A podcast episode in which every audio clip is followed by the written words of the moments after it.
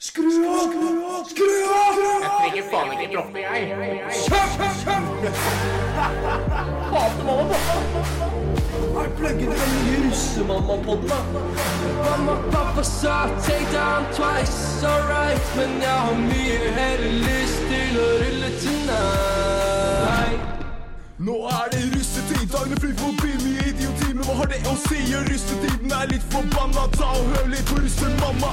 Hjertelig velkommen til Russemamma-podden. Sissel Solberg Johansen, som er lærer på Amalie Skram videregående skole i Bergen. Og den ligger jo i Bergen sentrum, mer eller mindre vil si, rett bak bystasjonen, stemmer ikke det?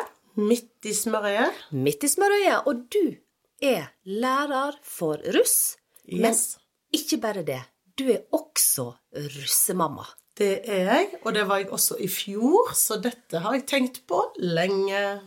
Ja, så du har både erfaring og er midt oppi det å være russemamma, rett og slett. Mhm, Og det er to helt forskjellige tankeganger.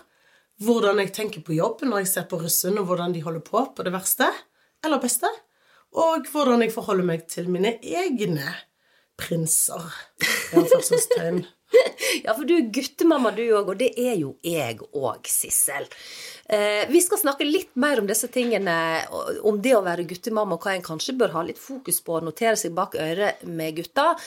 Men aller først, hvordan klarer du å sjonglere rollen som russemor og læreren for russekullet? Ja, det kanskje må jeg vel begynne med å si at det jeg er ikke så veldig flink på. Men det jeg tror jeg er flink til, det er å være lærer når jeg er på jobb. Og forholde meg kaldt til russetiden. Forholde meg til fag og til eh, læringsmiljø. Forholde meg til alle disse elevene som egentlig går sitt siste år i en mange års lang skolegang, og skal yte sitt beste faglig. Og for oss, da, når vi står midt i det, og det er prøver og det er eksamener som kommer og alt, så eh, er jo denne russetiden egentlig en liten eh, irritasjon. Og kanskje ikke fiende, for det er jo mye som er kjekt med russetiden òg. Og det er velfortjent, og det er fint, og det er sosialt, og alt det der. der. Men vi er oftest veldig redd for at det blir en sånn dropp på innsatsen fordi det sosiale overtar litt for mange. Mm. Men opplever du at eh, For du har holdt på Hvor lenge har du holdt på som lærer for eh, avgangselevene på videregående? Ja, det er altfor lenge, dessverre. Sikkert 25 år hvis jeg er så gammel. Ja, så du har faktisk veldig lang erfaring. Men, men jeg, jeg tenker å si den redselen som lærer for at de eh, går på en smell og eh, lar det sosiale og fest og moro gå framfor skolearbeidet og karakterene. Opplever du at det skjer ofte? Jeg opplever nok at det skjer hvert år med en del, og gjerne sånn hvis du statistisk skal tenke på det, noen i hver klasse, noen i hver gjeng, noen på hver buss.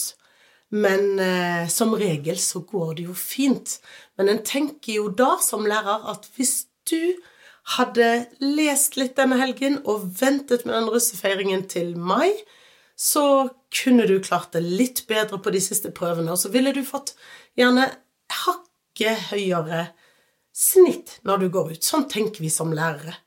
Når det kommer til det faglige, da. Ja, Men er det sånn at du kjenner sånn oppriktig at du blir lei deg? For jeg bare ser for meg at når du jobber som lærer og følger en eh, elev i flere år, så får du jo en, en slags relasjon og blir forhåpentligvis glad i denne eleven. og er det sånn at du kan kjenne på litt sorg eller litt oppgitthet, eller hvordan har du, Sissel, som læreren, hvis du ser, hvis jeg hadde vært din elev og var altfor mye russ, og du ser at nei, nei, nei, Ja, da måtte du, Eli Kari, eh, hatt noen samtaler med meg der vi snakket litt om det, og at der du ble bevisst på at nå må du eh, endre holdninger og handlinger her lite grann hvis du skal redde i land noen karakterer. Og det som er veldig lurt da, det er å være så tett på elevene sine at du kan lage en plan sammen. Og dette var jo sånn som foreldre også egentlig skulle gjort. At når det nærmer seg denne våren, at en laget seg en balanseplan der den går ut og sier en har full forståelse for at du skal feire, du skal få være med venner, du skal ha det superkjekt, men eh, du skal også fullføre den skolen du har begynt på. Det er litt viktig når, det, når russetiden brått slutter. Men du, er det sånn at når du tar denne samtalen med eleven som vi nå har kalt for Eli Kari, da Tar de det til etterretning? Setter de, liksom, Strammer de seg opp og, og gjør en innsats da, eller driter de i det? Nei, da gjør de det. De gjør det, ja. Ja, de vil veldig gjerne snakke om det. Og så kan de jo glemme det ut neste helg, eller etter neste fest. og, men det nytter. Så jeg tenker veldig ofte Og da, når vi har kommet til denne russetiden, så har jo elevene ofte blitt 18 år. Og, elever, nei, og foreldrene er ofte ute av brøken for oss på skolen. Og da tenker jeg ofte at jeg håper at, at foreldrene hjemme tar tak i samme diskusjon og prøver å hestehandle fram en måte å kunne ha det kjekt som russ, samtidig som de leverer på skolen. For det går an. Det går an Men når du var inne på det da de er blitt 18 år, for det er noe jeg syns er vanskelig. Eh, fordi at det, min enbårne sønn Nikken da, han ble jo 18 år her i oktober, og etter det så, så mister jeg tilgang på alt. Og det er ikke det at jeg skal drive og stalke han, men jeg, jeg har en del spørsmål til skolen eh, i forhold til gjerne både det med fridager, og de begynner seint, og jeg etterlyser jo, jeg syns det er altfor lite prøver, og litt sånn dill og dall. Men da har jeg faktisk ingen rett til å ta opp telefonen, ringe skolen og spørre om informasjon. Nei, du kan få svar på helt generelle problemer som eh, prøveplaner, eller når eksamen skal være. Det er mye informasjon som ligger på nett hos den enkelte skole. Det vil jo kanskje variere litt hvor flinke de er til å markedsføre seg på nett, men det skal de gjøre. Men når det kommer til ditt barns personlige utfordringer, så har du ingenting du kan få høre lenger. For etter barnet blir 16 år, faktisk, så lukker det seg en sånn taushetsplikt mellom lærer og foreldre, med mindre barnet godtar at denne samtalen kan finne sted. Og etter 18 ingenting. Nei, Men kan hvis jeg f.eks. sier til Nikken Kan jeg få en eh, eh, godkjennelse eller et papir da eh, på at Eller du kan bli med og si at eh, jeg fritar deg fra taushetsplikten, kjære Sissel. Du kan fortelle mamma alt du ønsker om med hvordan jeg er som elev, og hvordan det går med meg på skolen. Kan du da fortelle meg det? Ja, da kan jeg fortelle deg det. Og det har aldri skjedd. Nei, tuller du? Nei. Oi, kanskje jeg skal være første Kanskje kvinne til du å skal gjøre være det. første. Nikken hadde jo selvfølgelig kverka meg. Ja, men, og meg eh, òg, er jeg redd for. Ja. Ok, men greit, da fikk vi klarlagt det. Og for det syns jeg er eh, frustrerende og vanskelig. Men jeg prøver jo så godt jeg kan hjemme og, og si til han at nå må ikke vi glemme at vi også går på skole her. Eh, og håper det at han er såpass voksen. Og da kommer jeg til neste spørsmål, du som har mange års erfaring. Du kjenner meg, russemamma, slutt å bry deg, du må se en annen vei. Hvor modne og voksne er disse 18-åringene egentlig oppi nøtta si, tror vi?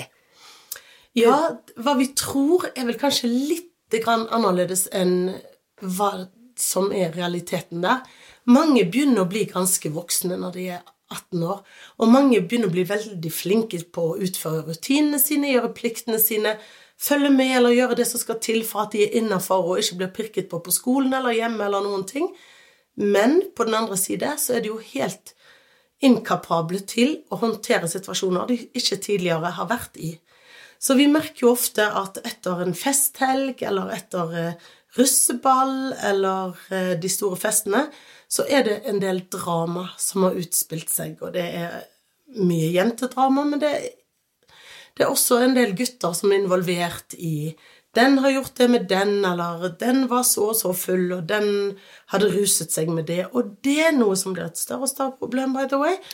Og dermed så ser vi at de ikke klarer helt å håndtere disse fest... eh, Hva skal vi si Etter Ja, det som følger en eh, god fyllefest, da. Ja. Men er det sånn at skolen da engasjerer seg litt, sjøl om de er 18, at de prøver å røske opp i hva var det egentlig som skjedde i helga, folkens? Hvorfor har dette blitt et sånt drama, og en drar det med seg inn på skolen? Har da skolen lov til å blande seg, eller er det bare en sånn naturlig nestekjærleik at en blander seg litt? Ja, det er litt blanding, altså. Det er jo veldig avhengig av hvem disse lærerne er, eller hvem disse elevene er, for den saks skyld. Men som regel, da, hvis de drar med problemene inn, så blir det tatt eh, tak i ganske fort. Og Amalie Skram skole er jo en av de største i Norge, med 1200 elever og eh, helsesøster, psykolog har vi av og til til skolen, flere rådgivere osv. Og det fører til at vi har et stort apparat som kan være med på å løse opp i de problemene som skal følge i denne russetiden, da. Eh, og jeg tror også at rådgivere og helsesøstre blir brukt mye på andre skoler, for det er veldig godt for en 18-åring å kunne tømme ut sine bekymringer til noen som ikke kan lage problemer ut av det. Og det er jo en ekstrem lojalitet i disse russegruppene og innenfor disse gjengene som gjør at de ikke skal fortelle for mye om hva som har skjedd på en fest heller, til en voksen, f.eks. Men jeg tror nok eh, foreldrene har mye å hente på å engasjere seg og spørre og være litt åpne eh, og interesserte i hva barna eh, holder på med i russetiden. For jeg tror disse 18-åringene, hvis de er på litt usikkert og litt sånn nervøst territorium, så har de lyst til å diskutere det med en de stoler på. Det er litt godt å høre at uh, i, din erfaring er at i utgangspunktet så vil de gjerne ha en voksen å snakke med. Da handler det egentlig bare for disse 18-åringene å finne den rette personen, da. eh, Som kan eh, De kan tømme seg litt eh, hos oss, si hvordan ting er. For jeg kan av og til føle det at jeg blir for tett på. Jeg er mora til en av gutta på russebussen. Sjarmant, som det heter. Eh, Og da kan det innimellom bli eh, For de, de rådene jeg gir, eller den kalde oppsummeringen oppsummeringene hvis det blir fortalt noe til meg, det er sikkert ikke så mye, men litt, blir kanskje ikke så tatt så alvor, for det er jo mamma. Det er jo mammamas. Ja, og vi er jo utgamle dinosaurer. Vi forstår ingenting. Og selv om jeg sier at jeg tror jeg egentlig forstår ganske mye, siden jeg kjenner så mange hundre russ hele tiden, så er det klart at vi er ikke ønskepersonen.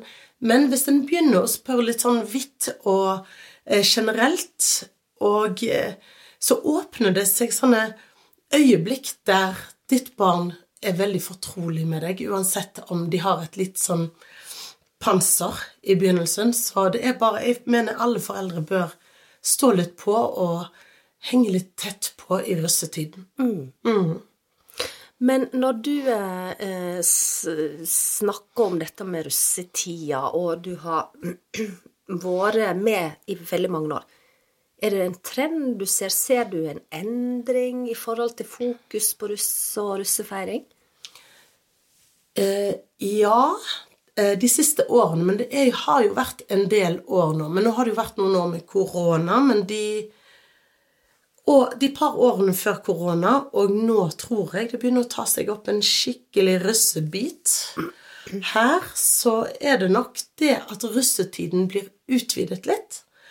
Og særlig de som er på buss, men også en del andre, ble jo gruppert veldig tidlig. For de skal jo komme i gang med å tjene inn penger, organisere seg og velge, ta mange valg i forbindelse med russetiden allerede ganske tidlig. Og da blir det jo kjørt noen fester, og så blir det litt mer slipp, og så blir det litt alvorlige, mer eh, organiserte årshjul på dette med russefeiring. Og jeg vil jo si at eh, for 10 år siden, eller 10-15 år siden, så var jo det som vi opplever i Bergen i dag, noe som skjedde i Oslo. Ja. Rundt noen få skoler, og nå er det også i Bergen. Eh, og det er nok en økende trend. Jeg tror det, altså. At russetida blir rett og slett bare lengre og lengre, og fokus og jobbing med russearrangement er starta over flere år. Ja, og det henger også sammen med Det er ikke de ukene i mai, som egentlig burde vært noen uker i juni, men det kan vi jo komme tilbake til. Men det er også et eh, Ja, det er noen kanskje bestemmer seg for i første gym, og kanskje noen til og med velger skole eh, på bakgrunn av hvor og hvem de vil på buss med. Hvem de vil på buss med, og hvor de skal gå på skole. Så det tror jeg nok helt bevisst at denne, denne tendensen er i fullt gang på, i Bergen også. Men du, hva tror du eh, er grunnen til at dette med russefeiring og russetida er blitt så ekstremt viktig for eh, ungdommene våre? Ja, jeg tenker vel at mye begynte da russeservicebransjen laget opplegg og trødde russen inn i opplegg der de skulle begynne å kjøpe russeklær og forberede seg på russetiden allerede i august det året de skulle være russ. Og da ble det oppfordret vilt til å samle seg i små grupper, lage treningsdrakter med etternavnene til alle skulle være i den gruppen på uh, armen på den treningsdrakten, og så skulle de ha navn og dekknavn, og så skulle det uh, etter hvert uh, skje noe i den gruppen. Og da ble det en spenning ført inn i denne feiringen, og det ble noe nytt hele tiden, og feiringen fikk mange ansikt. Og etter hvert så skilte russegruppene mellom de kuleste russene og de gjerne da som aldri ble bedt inn i en russegruppe, som det også sitter noen i hvert eneste klasserom og ikke har på seg denne russedressen, der etternavnet deres aldri står på en russedress osv. Så, videre. så jeg tenker nok at det ble en måte å identifisere seg selv som en uh, ungdom i bybildet. Uh, og det var takeoff, spesielt på de kuleste ungdommene. Jeg vet ikke, jeg bare, Dette er en følelse mm. jeg har, og det virker som at det er aller kulest å være russ for de som gjør mest mulig ut av denne tiden, selvfølgelig.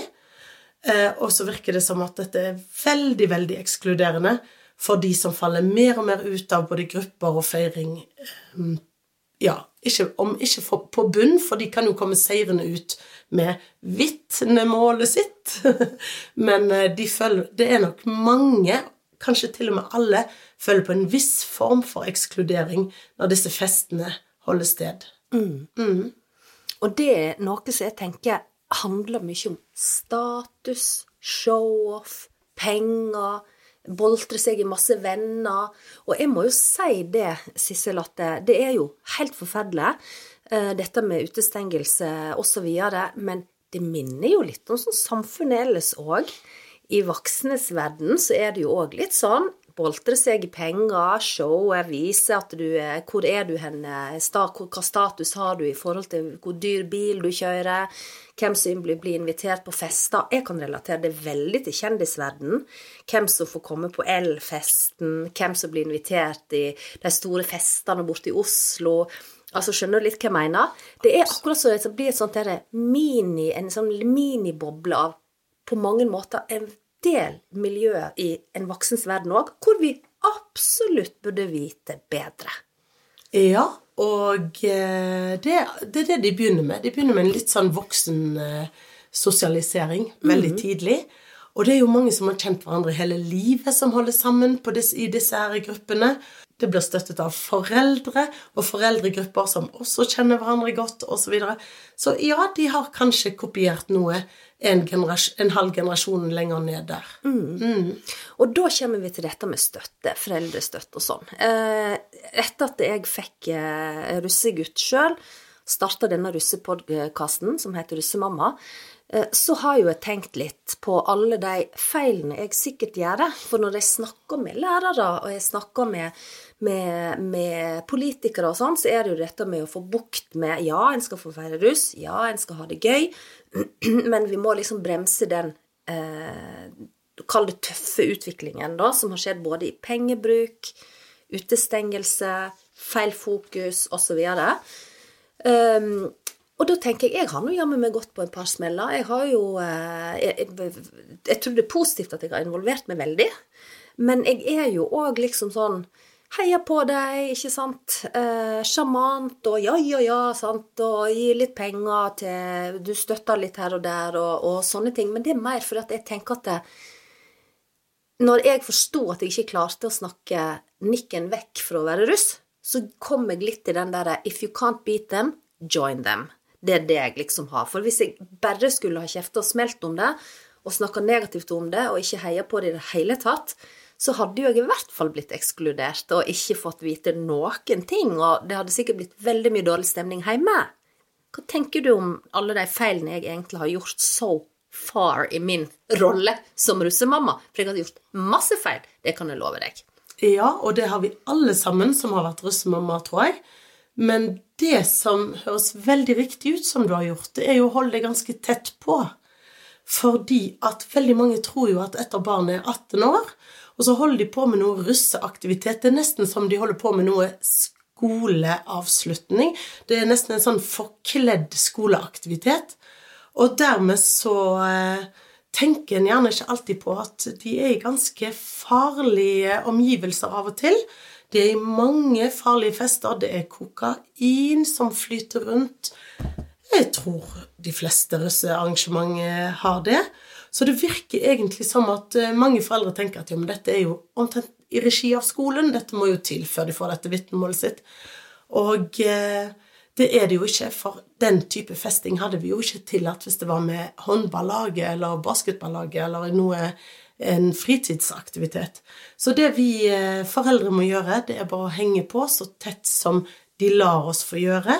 Og så får vi tenke at vi har oppdratt våre barn til å tenke selv. Snakke åpent om eh, rusproblematikk og hva eh, gutter og jenter eller russen eller sånt eh, må holde seg unna. Og eh, bare lene oss tilbake og stole på at det går bra.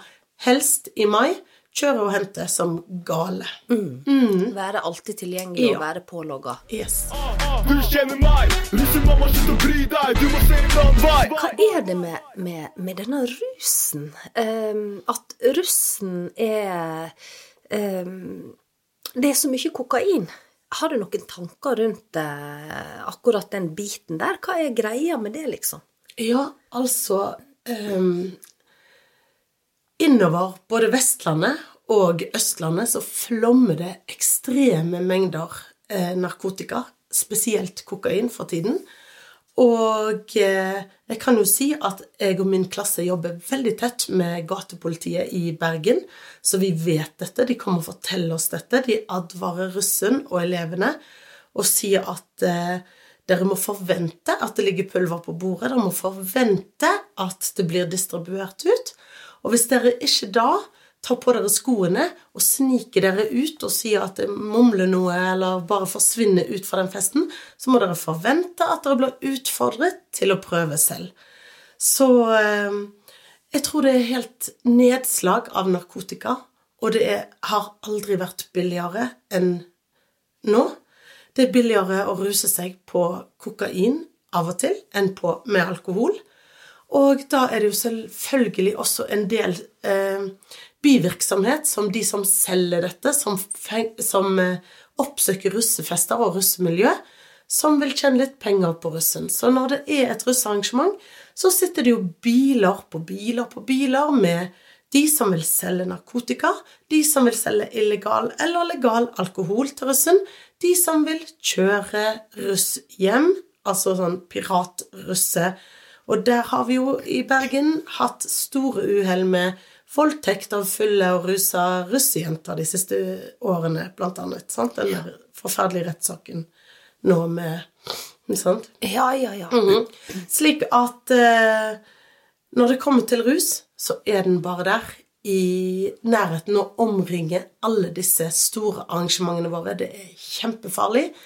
Alle engasjerte russeforeldre må erkjenne overfor sine barn, eller snakke med ungene og si at de vet at dette skjer, og du trenger ikke holde dette skjult, kanskje, for de foresatte. Bare samarbeide heller om hvordan skal det takles. Fordi at det kommer til å være der. Vi kan ikke late som at våre barn er så flinke at de, de holder seg helt unna steder der dette skjer. Ja. For det er umulig. Ja, og det, jeg syns jo det er kjempeskremmende. Og eh, min eh, greie er jo det at eh, det er farlig. Altså, jeg I min oppvekst så, og ungdomstid så florerte det jo òg diverse rusmidler. Men jeg var alltid så redd for at jeg, jeg skulle aldri bli meg sjøl igjen, hvis du skjønner. Så jeg hadde en sånn innebygd redsel som gjorde at jeg ikke prøvde det.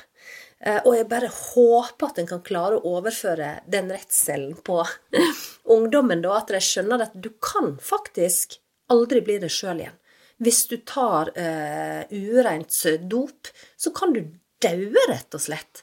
At de på en måte har en sånn der jeg Forstår eh, konsekvensen av det. Men det er jo nok ikke lett når kompisen kanskje sier 'kom igjen, dette er ikke farlig', det er jo bare tull. Se på meg, så kul jeg er. Jeg har tatt det i mange helger på rad. Det går så bra. sant? Men nei, det går til slutt ikke bra med den rusen. Jeg måtte bare si det for å bli så engasjert. Og så blir jeg rasende forbanna fordi, Sissel, det som du sier nå, det er så mange snyltere som skal sko seg på disse stakkars 18-åringene.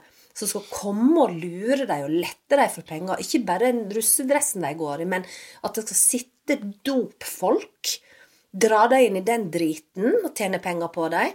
Alkoholen er jo en form for dop, men at det, at det sitter folk der og skal kjøre jenter hjem igjen for å misbruke dem. Hva faen, altså? Jeg blir så forbanna her jeg sitter. Det er Veldig provoserende. Jeg vil bare litt tilbake til det du sa, Ja. om at da vi vokste opp, så trodde jo Jeg trodde det at hvis vi røykte hasj, så var det bare forløperen til at vi begynte på noe sterkere. Og så Ja. til slutt, så Det angår også deg, så endet vi i rennesteinen i Oslo, tror Mm. jeg da. Men eh, nå har ikke ungdommen, når jeg snakker med de, den samme redselen. De ler litt av den gammeldagse holdningen vår. Ja. Så der må vi tilbake og skjerpe opp de. Ja. Og jeg tror også at det har vært mange rusulykker som de har lagt litt lokk på, fordi at det er litt skambelagt dette med rus og ulykker. Og det er veldig dumt, for rusen trenger et ansikt. De trenger noen som står fram og sier 'dette ble ødelagt'. Da jeg eksperimenterte i russetiden min. På samme måte som at russekullet nå skal gjennom sånn Trygg Trafikk-kampanje, der de skal nå eh, høre og få høre folk som har vært i trafikkulykker der de har ødelagt hele livet sitt.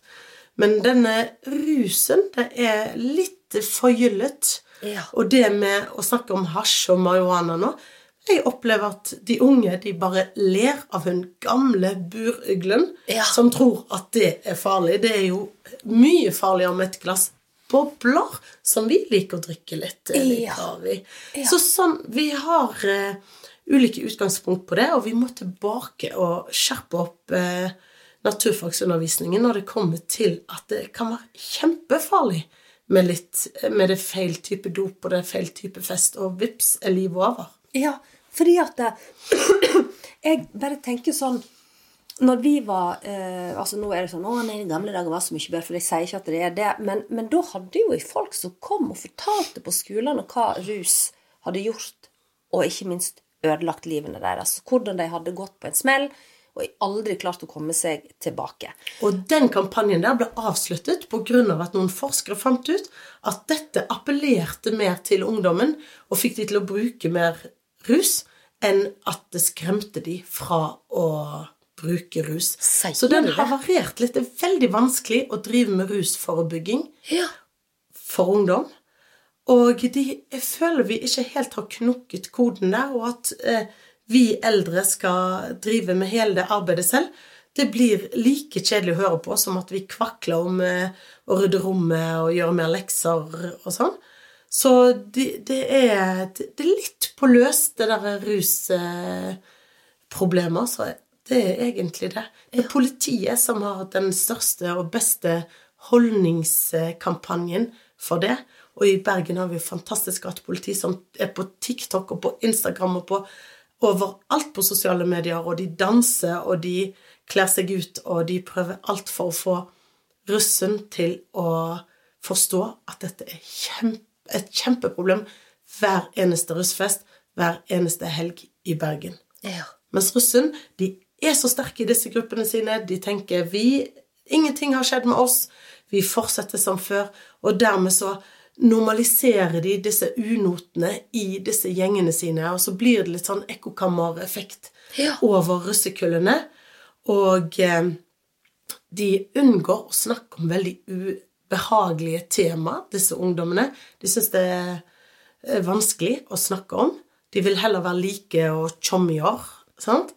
Og eh, de er, vi må bare huske at 18 år, de er ikke voksne da, de er kids. ja. De er søren meg kids, altså. Og vi ser tårene på mandagen, og vi ser fortvilelsen i det det har blitt gjort noe helt forferdelig, et overgrep eller noe der verken den som har blitt utsatt for det, eller den som har utsatt noen for det, skjønte noen ting. Ja. Så det, det er forferdelig. Men dette går det jo an å snakke om med politiet om, for de har veldig lyst til å snakke, komme tett på russen for å få de til å forstå, og også tett på foreldrene, til å få foreldrene til å skjønne at det må ikke være et rusfrislipp til 18-åringer. For det er jo utrolig viktig at disse 18-åringene ikke avslutter den videregående skole med å lage seg mange nye problemer som de må face høsten etter at de er russ. Og det være seg alt fra at de har mange hull på vitnemålet og fag de må ta opp igjen, eller at de har fått noen psykiske problemer etter noe tull de har vært med på, som de egentlig ikke hadde vært med på, hadde de tenkt seg om, eller mange får et alkoholhekt, faktisk. Hvis de drikker seg gjennom hele mai, så er du plutselig ferdig med eksamen tidlig i juni, og så er det fint vær, blå himmel, og så skal de i hvert fall drikke, i alle fall hvis det er blå himmel i Bergen. Og, så og så skal de rett på fadderuken i august. Plutselig så får de et alkoholhekt, så de faktisk må kjempe mot resten av livet.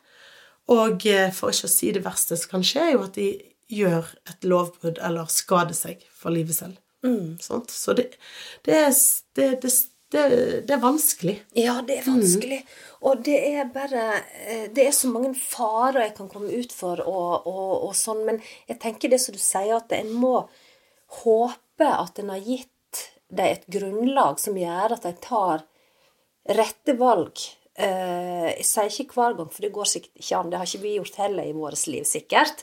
Men eh, at de på en måte tenker seg litt om dette her, syns jo jeg er kjempeskummelt. Og det er en av grunnene Sissel, til at jeg satte i gang denne podkasten, er jo fordi at jeg må snakke om dette her. For jeg er jo livredd for absolutt alt dette som du eh, ramser opp nå. Og det er eh, kjempeskummelt, altså. Men jeg har ikke lyst at det skal være en sånn skremselpropaganda heller, for det var jo som vi begynte episoden med, som du sa, det er jo gøy å være russ. Det er jo det. Er ikke du enig? Det er veldig kjekt. Det kan være Det, det lager vennskap som kan vare livet ut. Det kan være også inkluderende, ikke bare ekskludere, men det kan være eh, mange som blir tatt med for første gang på, eh, i viktige sosiale sammenhenger. Russen fortjener det. De har gjort et godt stykke arbeid, og gjerne gjør de det. Mange klarer å balansere dette utmerket godt. Men i en podkast som Russemamma så vil jeg si til alle, både russ og russeforeldre som hører på, at det er kjekt å henge tett på barnet sitt. Barnet syns det er kjekkere enn det kanskje gir uttrykk for. Og der ligger det en nøkkel som vi ikke skal glemme ut, så det er bare til å henge på. For dette er jo veldig spennende mennesker, denne russen. De holder jo på å bli voksne og veldig kloke. Og det er kjekt for oss å vite hva de tenker, og hva de gjør. Og dette var Sissel lærer som sier, men hva sier mamma, Sissel? Som mor er jeg akkurat som andre foreldre. Stoler blindt på den kjekke gutten min. Selv om jeg har sett litt sånn Det har skjedd forskjellig der. Men eh, stoler på han. Kjekke venner. Han har sin russegruppe passe litt ekstra på at de skal ta med seg spør er den og den med, får alle være med, i klassen deres er det noen som faller helt utenfor. Det er det ene som er litt sånn mellom lærer og mamma, men ellers så unner jeg de en super russefeiring. Jeg skulle kanskje ønske det var som i Danmark, at russefeiringen begynte etter siste eksamen, og så kjørte de på i to uker. Men når det er som det er akkurat dette året i Norge, så gleder jeg meg over at min gutt skal ha en super russetid. Det gjør jeg. Om vi heller bite negler og følge med? Vi får sitte og bite negler og ja. følge med. Men tusen takk for mange fine råd. Ikke minst eh, øyeåpner for en del ting, hvordan ting faktisk fungerer, og hva som reelt foregår rundt omkring eh, i russemiljøene. Eh, gjorde meg både enda mer redde, men også litt mer kunnskapsrik. Eh, og jeg har veldig lyst til å snakke med gatepolitiet. Takk for tips, Tissel. Og tusen takk for at du eh, kom i podkasten. Og så får vi bare krysse fingrene og håpe at dette her går bra. Vi krysser fingrene. Du kjenner meg, jeg er sjarmør, cake spiller egentlig jeg dør. Du kjenner meg, russemamma, slutt å bry deg, du må se en annen vei.